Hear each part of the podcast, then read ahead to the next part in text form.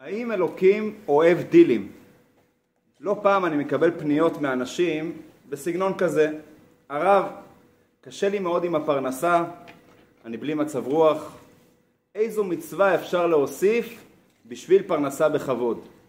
או הרב, אני מאוד מוטרדת, הילד שלי חולה, איזה מעשה טוב אני צריכה לעשות כדי שהילד שלי יהיה בריא?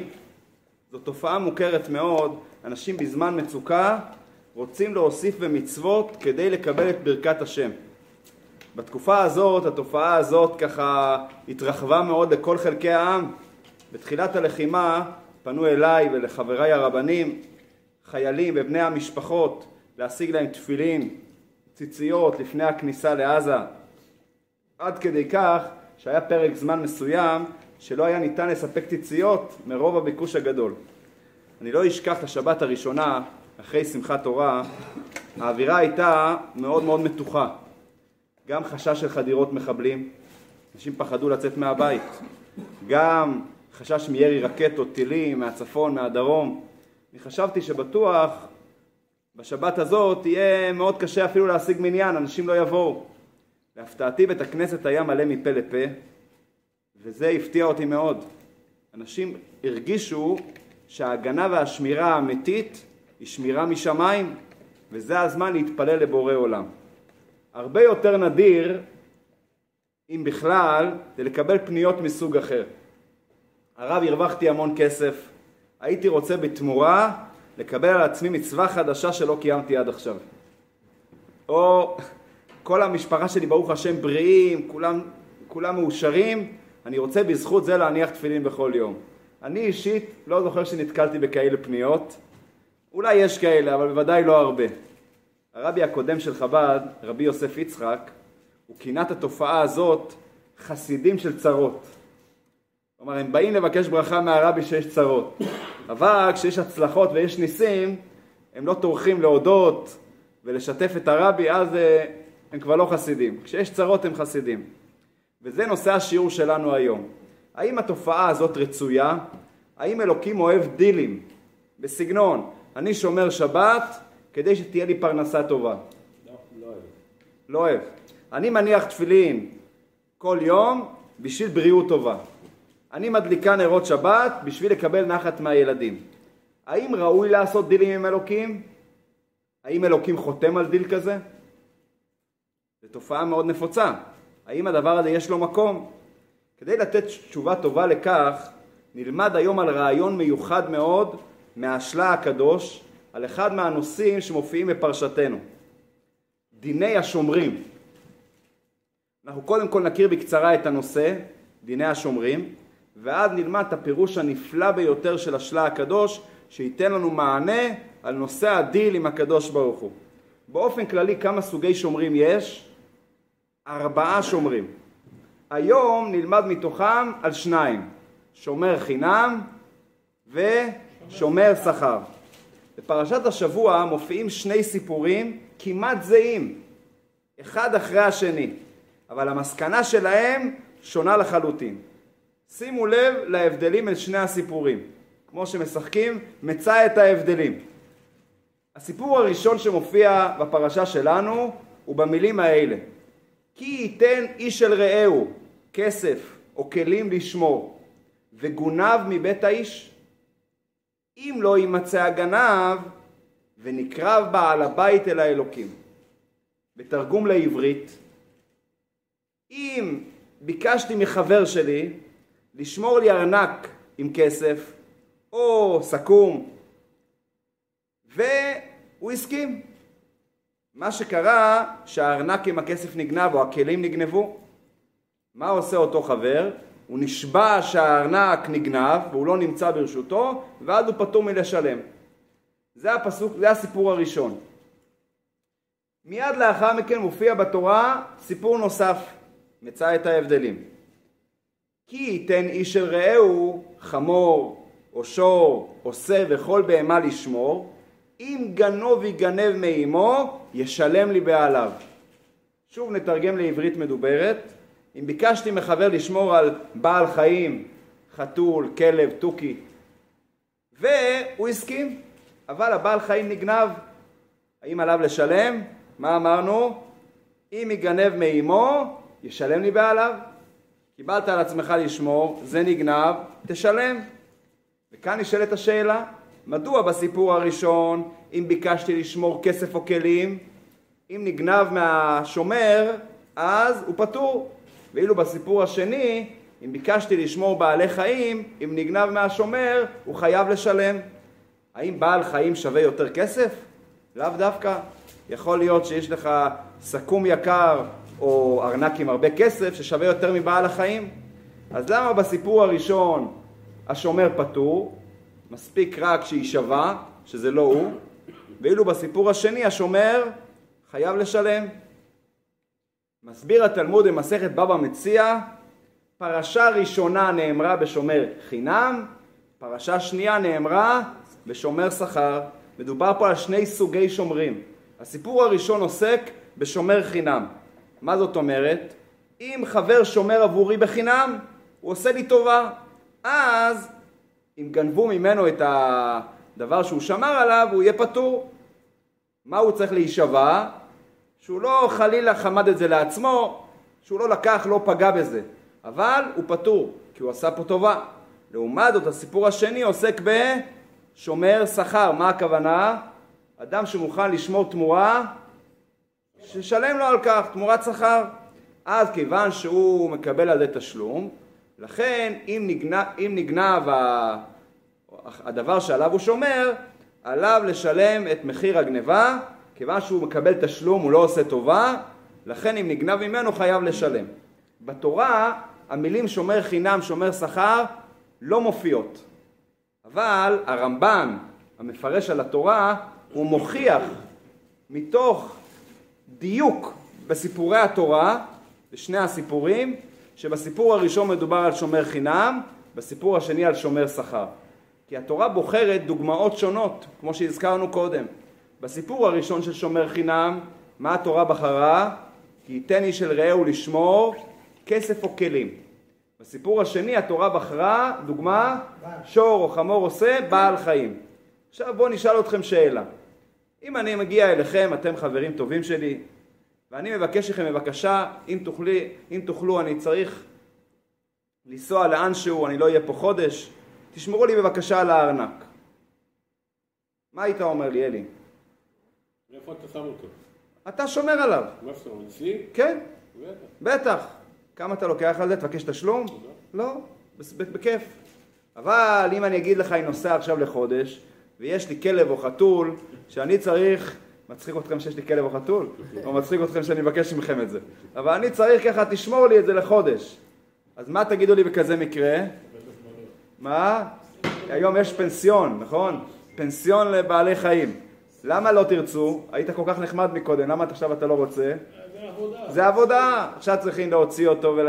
ולנקות אחריו, וצריכים לטפל בו.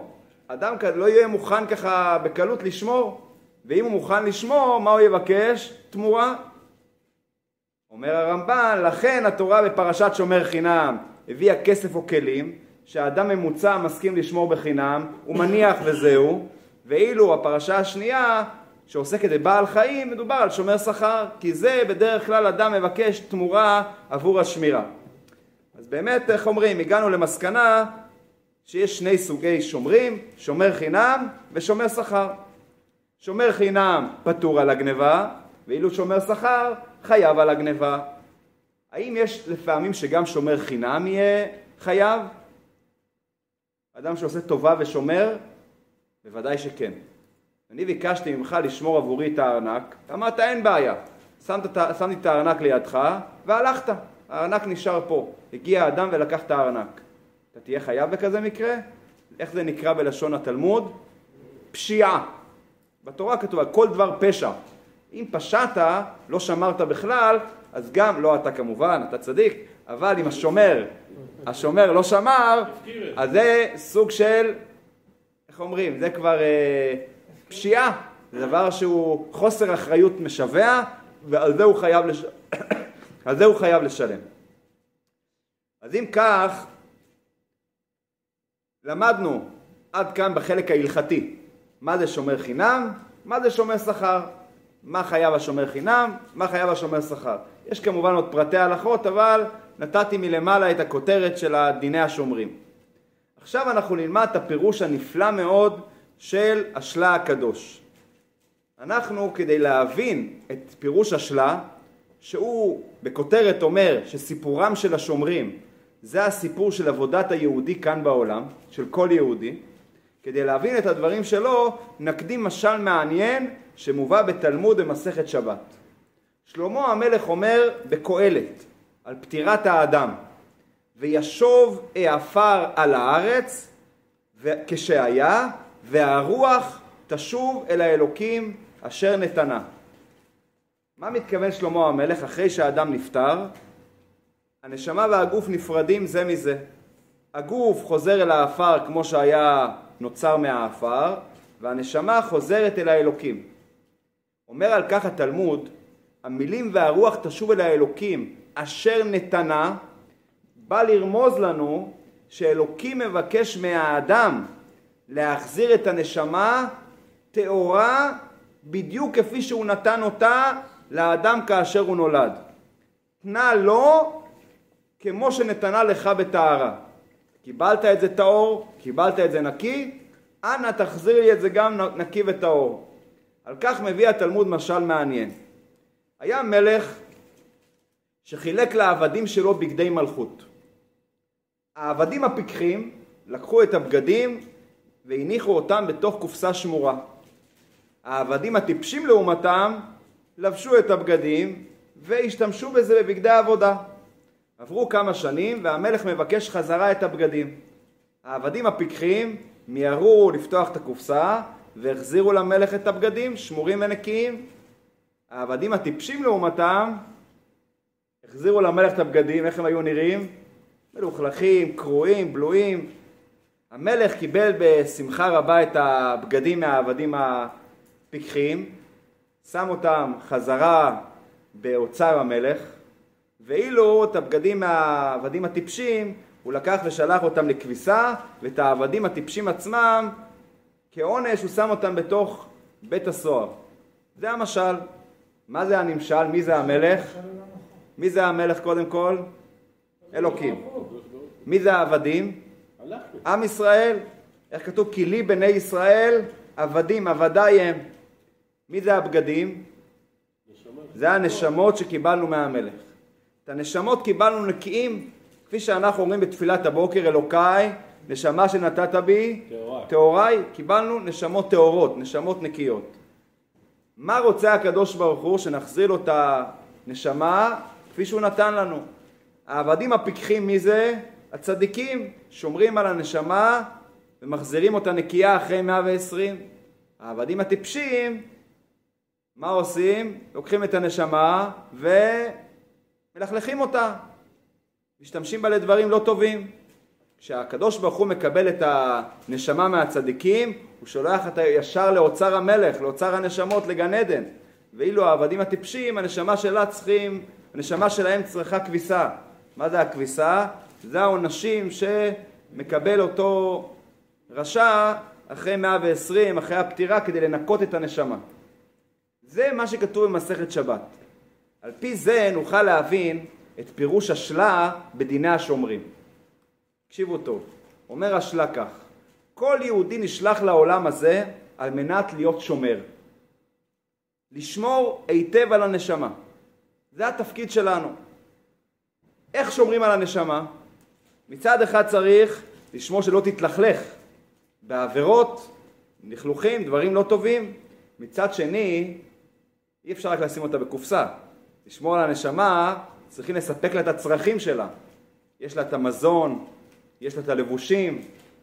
מה זה המזון והלבושים של הנשמה? הזוהר הקדוש אומר שהמזון זה התורה והלבושים זה המצוות. אז כשאנחנו קיבלנו את הנשמה אנחנו צריכים לשמור עליה קודם כל שלא יהיה לה עבירות, מצד שני לתת את הצרכים שלה ועשה טוב, לתת אה, לנשמה מזון, לבושים, תורה ומצוות. כאן יש שני סוגי שומרים. יש ארבעה, אבל אנחנו נדבר על שניים מתוכם. יש אלו שמתנדבים להיות שומר חינם. מה זאת אומרת? הם מוכנים לשמור על הנשמה בלי שום תועלת. לא משנה מה יצמח לי מזה שאני אשמור, או לא יצמח לי. הם ישמרו שבת גם אם אין להם פרנסה. לא אכפת להם. הם יאהבו את אלוקים ויקיימו את המצוות, גם אם חלילה יהיה להם אסונות קשים במשפחה, יעברו טרגדיות. לא מעניין אותם. אנחנו שומרי חינם, אלוקים מבקש לשמור על הנשמה, ללמוד תורה, לקיים מצוות, לעשות מעשים טובים, אנחנו עושים את זה בלי שום תמורה. לעומתם, יש רבים אחרים שהם שומרי שכר. מה זאת אומרת? הם שומרים טוב טוב על הנשמה, אבל יש להם דרישות תשלום. תפילין תמורת בריאות, שבת תמורת פרנסה, טהרה תמורת ילדים, וכן הלאה והלאה. השלה מביא לכך דוגמה מהתלמוד במסכת בבא בתרא. שם התלמוד מביא ברייתא שאומרת כך: אדם שאומר אני נותן סלע זו לצדקה, סלע זה מטבע שהיה פעם, בשביל, למה אני נותן את הצדקה הזאת? שיחיה בני, שהבן שלי יחיה, הוא היה חולה, או שאזכה לחיי העולם הבא. האם הדבר הזה פסול או שהדבר הזה כשר? אומרת הברייתא, אותו אדם נקרא צדיק גמור. כך אומרת הברייתא. כלומר, השומר שכר, למרות שהוא מתנה את הצדקה, את המצווה, תמורת תשלום, הוא עדיין נחשב צדיק.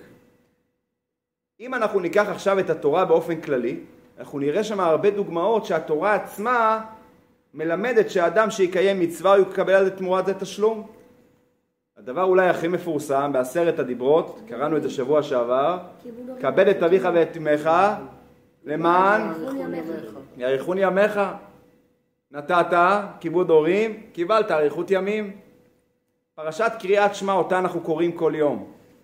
היא כתובה על המזוזה, היא כתובה בתפילין. מה כתוב שם? והיה אם שמוע דשמואל מצוותיי ונתתי מתר ארצכם בעיתו. תשמרו על המצוות, תקבלו תשלום. וכך עוד ועוד מקומות בתורה שהתורה מבטיחה תשלום, או ערב טוב אסף, התורה מבטיחה תשלום עבור מצוות שהאדם יקיים. אז מה מתברר? שאלוקים מוכן לעשות דילים. וגם שומר שכר נחשב לשומר. ואם אדם נתקל בבעיה גשמית, רצוי וגם כדאי שהוא יבדוק את מצבו הרוחני. בתפילת לך דודי מה אנחנו אומרים על השבת? כי היא מקור הברכה. אז בהחלט אם יש לאדם קשיים בפרנסה, ראוי שיקפיד יותר על שמירת שבת, כי היא מקור הברכה. הצדקה יש לה סגולה להצלת חיים. כמו ששלמה המלך אומר במשלי, וצדקה תציל ממוות. אז אם יש סכנה לאדם, בהחלט ראוי שהוא יפשפש בנושא הצדקה. מצוות מעשר, לתת מעשר מהרווחים, זה גם סגולה לעש... לעשירות. מה אומרים חכמינו? עשר בשביל שתתעשר. אז אם אדם רוצה עשירות, בהחלט, כתוב בחנוני נא בזאת, אפשר לבחון את הקדוש ברוך הוא במצוות הצדקה. אגב, הרבי מלובביץ' הציע הרבה פעמים לאנשים שהתלוננו על בעיות, אה, בעיות, איך אומרים, מסוגים שונים, הוא הציע להם לבדוק תפילין ומזוזות. ככה נוהגים הרבה אנשים שיש להם איזה בעיה מיד לבדוק תפילין ומזוזות, או, ל... או יותר אה, להקפיד על הנחת תפילין.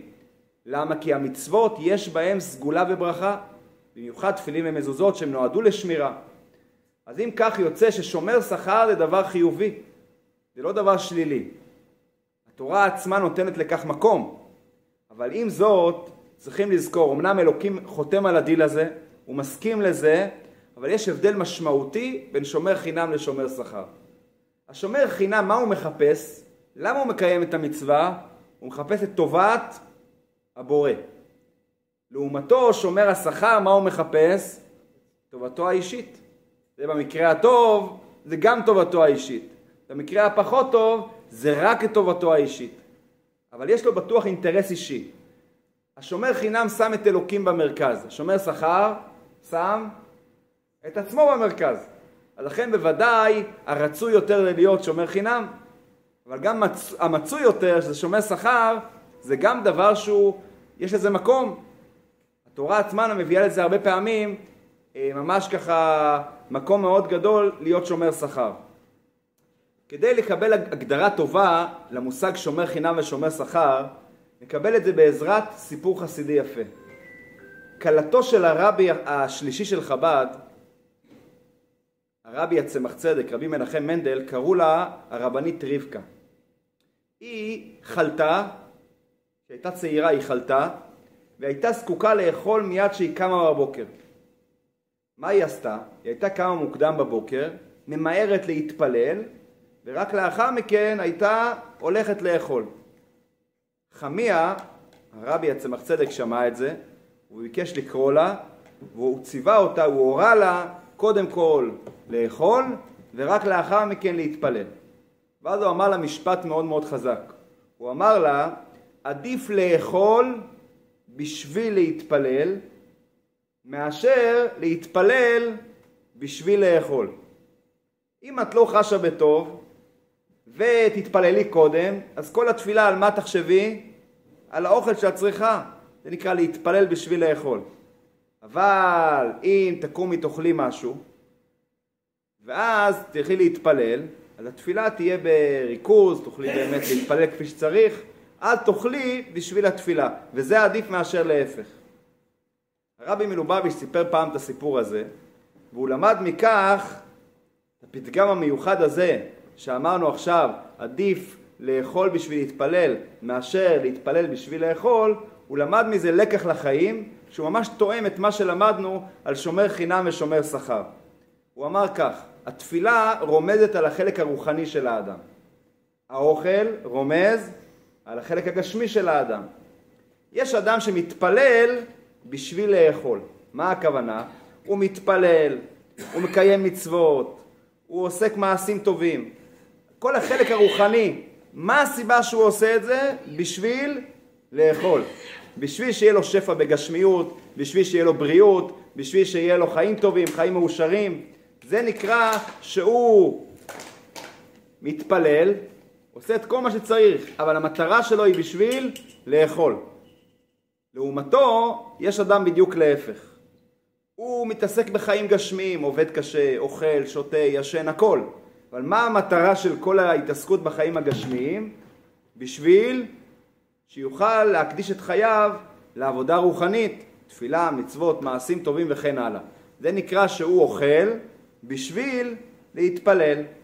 אז אם אנחנו רוצים הגדרה טובה לשומר חינם ושומר שכר, אפשר להגדיר כך, שומר חינם הוא אוכל בשביל להתפלל. המטרה המרכזית אצלו זה בעצם לשמור על הנשמה. בשביל זה הוא גם צריך דברים גשמיים. אוכל בשביל להתפלל. השומר שכר לעומתו זה להפך. הוא מתפלל בשביל לאכול. הוא לוקח את כל הדברים הרוחניים שהוא עושה, והמטרה שלו זה בשביל שיהיה לו שפע בגשמיות, בריאות, פרנסה וכן הלאה. אז מה הרצוי אמרנו? להיות שומר חינם ולא שומר שכר. כך כתוב גם בפרקי אבות. אנטיגנוס איש צוחו. מה הוא אומר? אל תהיו כעבדים המשמשים את הרב על מנת לקבל פרס, אלא כעבדים המשמשים את הרב שלא על מנת לקבל פרס. אז זה הרצוי, לעשות את זה, איך אומרים, לשם שמיים. אבל, וזה אבל חשוב, גם שומר שכר הוא שומר על הנשמה כמו שצריך. למרות שיש לו מניעים אישיים. השמירה היא שמירה, הוא שומר על הנשמה. ולכן אלוקים מסכים לדינים האלו. יתרה מכך, גם אותו שומר שכר, אם הוא יתרגל לשמור בשכר, בסופו של דבר הוא ישמור גם בחינם. כך אמרו חכמינו, לעולם יעסוק אדם בתורה ומצוות אפילו שלא לשמה. למה? מתוך שלא לשמה יבוא לשמה. גם אם בהתחלה הוא עושה את זה בשביל אינטרס שלא לשמה, אבל בסופו של דבר הוא יתקדם לשלב גבוה יותר והוא יגיע לדרגת שומר חינם. אבל האמת שגם כשהאדם הוא עדיין שומר שכר, עדיין הוא מקיים את המצוות בשביל אינטרסים, הוא דורש תשלום עבור השמירה, גם אז יש לו כוונות טהורות. הוא לא עושה את זה רק ממניעים אישיים. כך מפרשים בספרי החסידות את הפתגם הזה שאמרנו, מתוך שלא לשמה, בא לשמה. הפירוש הפשוט, על ידי כך שהוא מקיים שלא לשמה, בסוף הוא יקיים לשמה. אבל בחסידות מפרשים, התוך של הלא לשמה, אם תחפור ככה בתוך השלא לשמה, מה תגלה? לשמה. גם יהודי שמקיים בשביל אינטרסים, התוך שלו, האמת שלו, שהוא עושה את זה באמת גם לשם שמיים.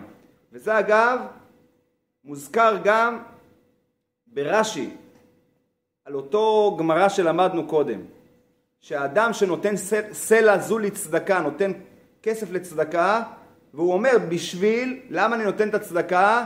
שיחיה בני, או בשביל שאזכה לחיי העולם הבא, איך כינינו אותו בשם? צדיק. מסביר רש"י למה? כי גם אם הבן שלו ימות חלילה, הוא לא יתחרט. הוא לא יגיד, אך, חבל שנתתי את זה, בזבזתי כסף. אם זה היה רק בגלל אינטרס אישי, אז אם הבקשה שלו לא התמלאה, אז אה, עסקה לא טובה, הוא יתחרט. אבל יהודי, גם אם הוא מקיים מצווה בשביל אינטרס, והאינטרס לא יצא בסופו של דבר, הוא לא מתחרט. וזו הסיבה שהוא נקרא צדיק.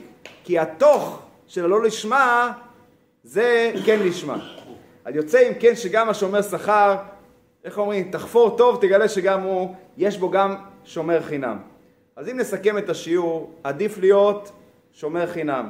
אבל גם שומר שכר, שזה מצוי יותר, הוא בהחלט שומר הגון.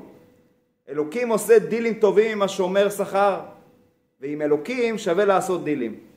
לקראת סיום השיעור, אני רוצה להוסיף עוד תוספת אחת חשובה מאוד בשיעור שלמדנו. למדנו היום על שומר, שומר חינם ושומר שכר. הם שומרים היטב על הנשמה, אבל חשוב להדגיש, המטרה היא לא רק לשמור על הנשמה שלא תתלכלך, כי בשביל זה הנשמה לא הייתה צריכה לרדת למטה. לפני שהיא ירדה היא הייתה נקייה, אז למה היא יורדת למטה? המטרה האמיתית שהנשמה יורדת למטה היא כדי שהאדם בעולם הזה, שהוא נמצא בתוך הגשמיות, שהוא נמצא בתוך גוף שמוריד אותו למטה, מושך אותו, שיש לו תאוות ויש לו יצרים ויש לו קשיים, שהוא ימלא את השליחות שהקדוש ברוך הוא נתן לו. ללמוד תורה, לקיים מצוות, לעשות מעשים טובים. זה המטרה שאלוקים שלח את הנשמה כאן. ואם יהודי מקיים את השליחות שלו, אז על ידי זה הוא מגיע לדרגה גבוהה יותר מאשר הנשמה הייתה קודם. איך מכנים את זה? ירידה, צורך עלייה. כיוון שברגע שהוא מילא את השליחות זה גורם נחת רוח מאוד גדולה לקדוש ברוך הוא ולכן על ידי זה הוא זוכה לשכר וגם אם הוא עושה את זה בחינם שלא על מנת לקבל פרס הנשמה מגיעה לדרגה הרבה יותר גבוהה אז אנחנו צריכים ללמוד מזה, מהשיעור היום להיות שומרים טובים, לדעת שיש לנו אוצר גדול מאוד בלב שלנו, בנשמה שלנו. קיבלנו את האוצר הזה מהמלך בעצמו. ואם נדע להיות שומרים טובים, אז בוודאי אנחנו נגרום קודם כל נחת רוח מאוד גדולה לקדוש ברוך הוא, וגם אם נרצה או לא נרצה נרוויח מכך בגשמיות וברוחניות.